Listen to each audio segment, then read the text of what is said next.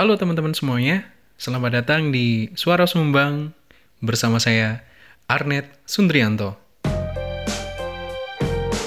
Oke, terima kasih buat teman-teman semuanya yang dengerin Suara Sumbang dari episode pertama dan kedua kemarin. Dan di episode ketiga ini sedikit berbeda.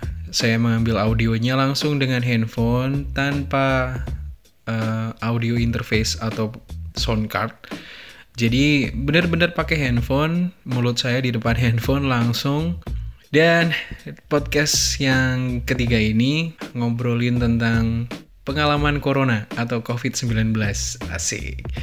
Jadi saya punya banyak banget pengalaman tentang COVID-19 karena karena istri saya sedang ada di Ponorogo dan saya ada di Blitar. Jadi kita LDRan lah karena ada suatu hal ya covid itu kita nggak bisa ketemu dia kadung di sana dan saya kadung di Blitar gitu. Ada kerjaan.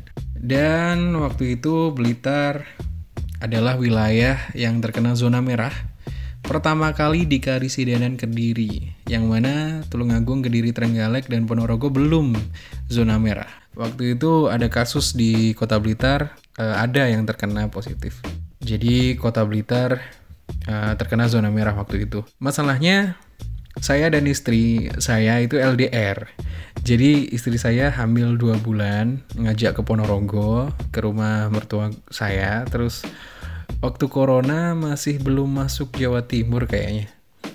Terus saya balik ke Blitar waktu itu um, ada kerjaan. Tiba-tiba dua minggu ke depan Blitar ditetapkan zona merah karena itu ada yang positif.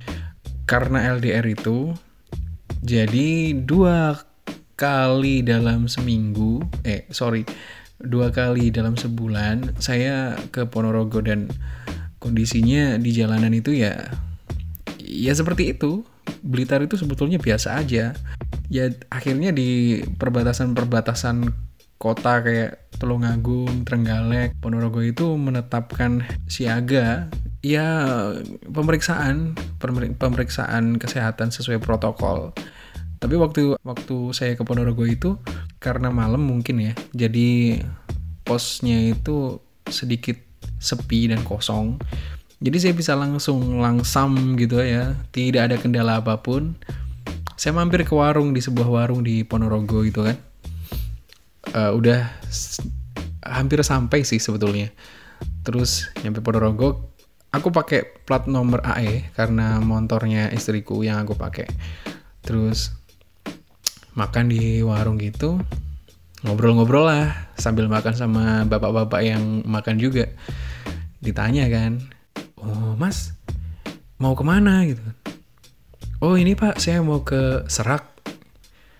Uh, Serak? Oh dekatnya Pulung ya? Oh iya pak bener dekatnya Pulung. Oh emangnya masnya dari mana oh saya ini pak. Tadi dari Blitar terus mau ke mertua saya gitu.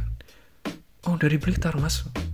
Itu yang tadi orang itu duduknya deket itu tiba-tiba menjauh pelan-pelan. Set. Jadi mereka dengan wajah raut muka yang kayak wah ini kayak mungkin di di dalam hatinya bilang gini ya wah ini bahaya nih orang ini dari Blitar ngapain ke Ponorogo nih jadi apa ya jadi zona merah pertama kali dan harus melakukan perjalanan jauh tuh seakan-akan kalian menjadi zombie dan ditakuti semua orang. Beneran. Itu ketika habis makan gitu kan. Itu habis habis habis ngobrolin itu udah semuanya diem. Nggak ada yang mau ngobrol sama saya lagi.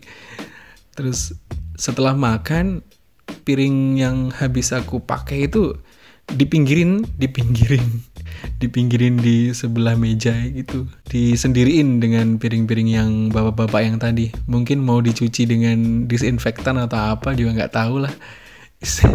Jadi aku udah bilang waduh ini kok kayak gini banget gitu kan. Ya udahlah aman. Waktu itu di Ponorogo juga aman.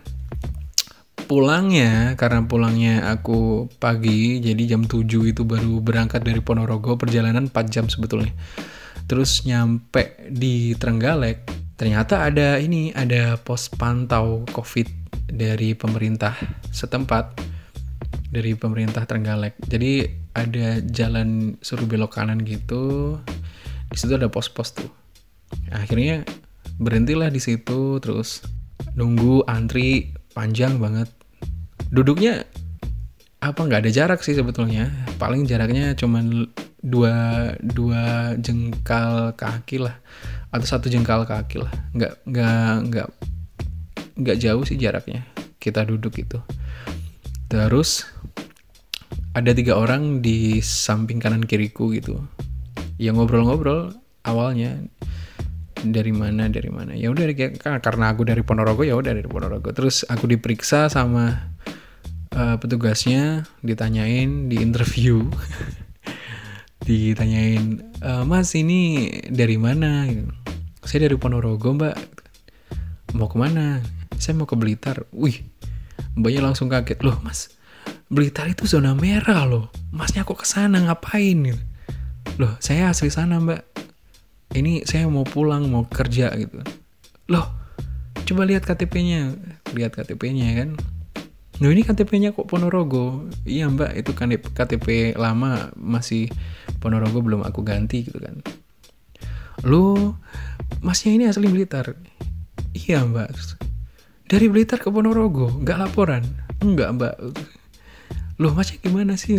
Langsung ditanyain aneh-aneh, ditanyain ada keluhan ini enggak apa pusing enggak enggak mbak terus pilek enggak enggak batuk enggak iya aku jawab enggak lah kalau memang lagi sehat banget gitu kan terus tadi yang apa bapak-bapak yang kanan kiriku itu langsung minggir seret menghindar semuanya di situ yang mau ke Blitar cuman aku doang yang lain paling ke Tulungagung, Trenggalek gitu-gitu kan. Karena benar-benar zona merah pertama kali itu Blitar. Terus aku disendiriin gitu kan, diperiksa sendiri, disemprot sendiri pakai disinfektan. Terus wah pokoknya sampai basah lah pokoknya. Aduh. Terus habis itu nanti nganu ya Mas ya. Dari sini ke Blitar nanti dari Blitar laporan lagi Mas ke RT-nya oh iya mbak saya laporan kok nanti habis itu aku balik itu ke parkiran kan maksudnya aku parkir motorku di agak depan gitu kan tiba-tiba motorku udah basah kuyup tiba-tiba motorku udah basah kuyup ternyata disemprotin disinfektan gitu. Sampai jok-joknya aduh semuanya lah pokoknya. Maksudku kalau mau nyuciin ya nggak apa-apa gitu sekalian tapi ini kok disemprot doang gitu. Yang tadinya motorku itu kanan kirinya ada banyak motor gitu yang deket. Tiba-tiba motorku udah di tengah-tengah sendiri di standar gitu aduh pokoknya terus aku naik motor pulang perjalanan juga lancar saya kira pemeriksaan itu hanya di Trenggalek, ternyata di Tulungagung ada lagi, tapi nggak terlalu ketat kayak di Trenggalek lah. Hanya diperiksa suhunya, terus disemprot, udah jalan lagi. Jadi dari Trenggalek yang basah itu belum kering nyampe Tulungagung itu aku disemprot lagi dong. Saya disemprot lagi. Basah dong. Aduh, tidak hujan, basah bagaimana aduh ya udah akhirnya nyampe lah di Blitar di Blitar itu biasa-biasa aja santai-santai aja orangnya paling yang apa yang terlihat panik ya orang yang sudah berumur 40-an ke atas lah karena mereka mungkin mempunyai ketakutan yang berlebih dengan isu bahwa daya tahan mereka sudah rapuh, jadi mereka harus hati-hati seperti itu. Dan setelah sampai di Blitar, di kontrakan rumah, itu aku langsung laporan sama Pak RT-nya. Ke rumah Pak RT-nya nih. Eh, Pak RT, uh, saya mau laporan. Loh, ya masuk, masuk, masuk, mas. Ada apa?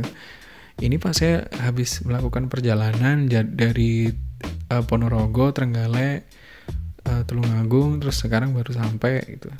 Oh gitu mas. Nah, iya pak, saya laporan itu. Nah, terus ngapain? Pak RT-nya nanya balik dong, aku kan bingung gitu kan. Oh, oh ya udah pak nggak apa-apa ayo nggak apa-apa mas. Santai-santai aja oke. Bukan isu ya. Jadi corona itu menyebabkan banyak banget uh, teman-teman yang panik ketika lihat temennya agak pusing agak pilek menghindar semua gitu. Aduh. Ya udahlah teman-teman. Mungkin ini apa sedikit pengalaman yang bisa aku bagi sama kalian dan iya harus dibagikan karena biar kalian tahu awal-awal corona di Blitar zona merah itu seperti apa. Aduh pokoknya kalau lu nongkrong kalau kalian nongkrong di tempat apa gitu lebih dari dua kalian pasti disamperin sama polisi. Ya udah jadi gitu aja teman-teman uh, pengalamanku LDR sama istri di corona coronaan ini. Dan sekarang istriku sudah 8 bulan semoga nanti minta doanya dilancarkan semuanya. Thank you yang udah dengerin. Dan saya Red Sundrianto. Sampai jumpa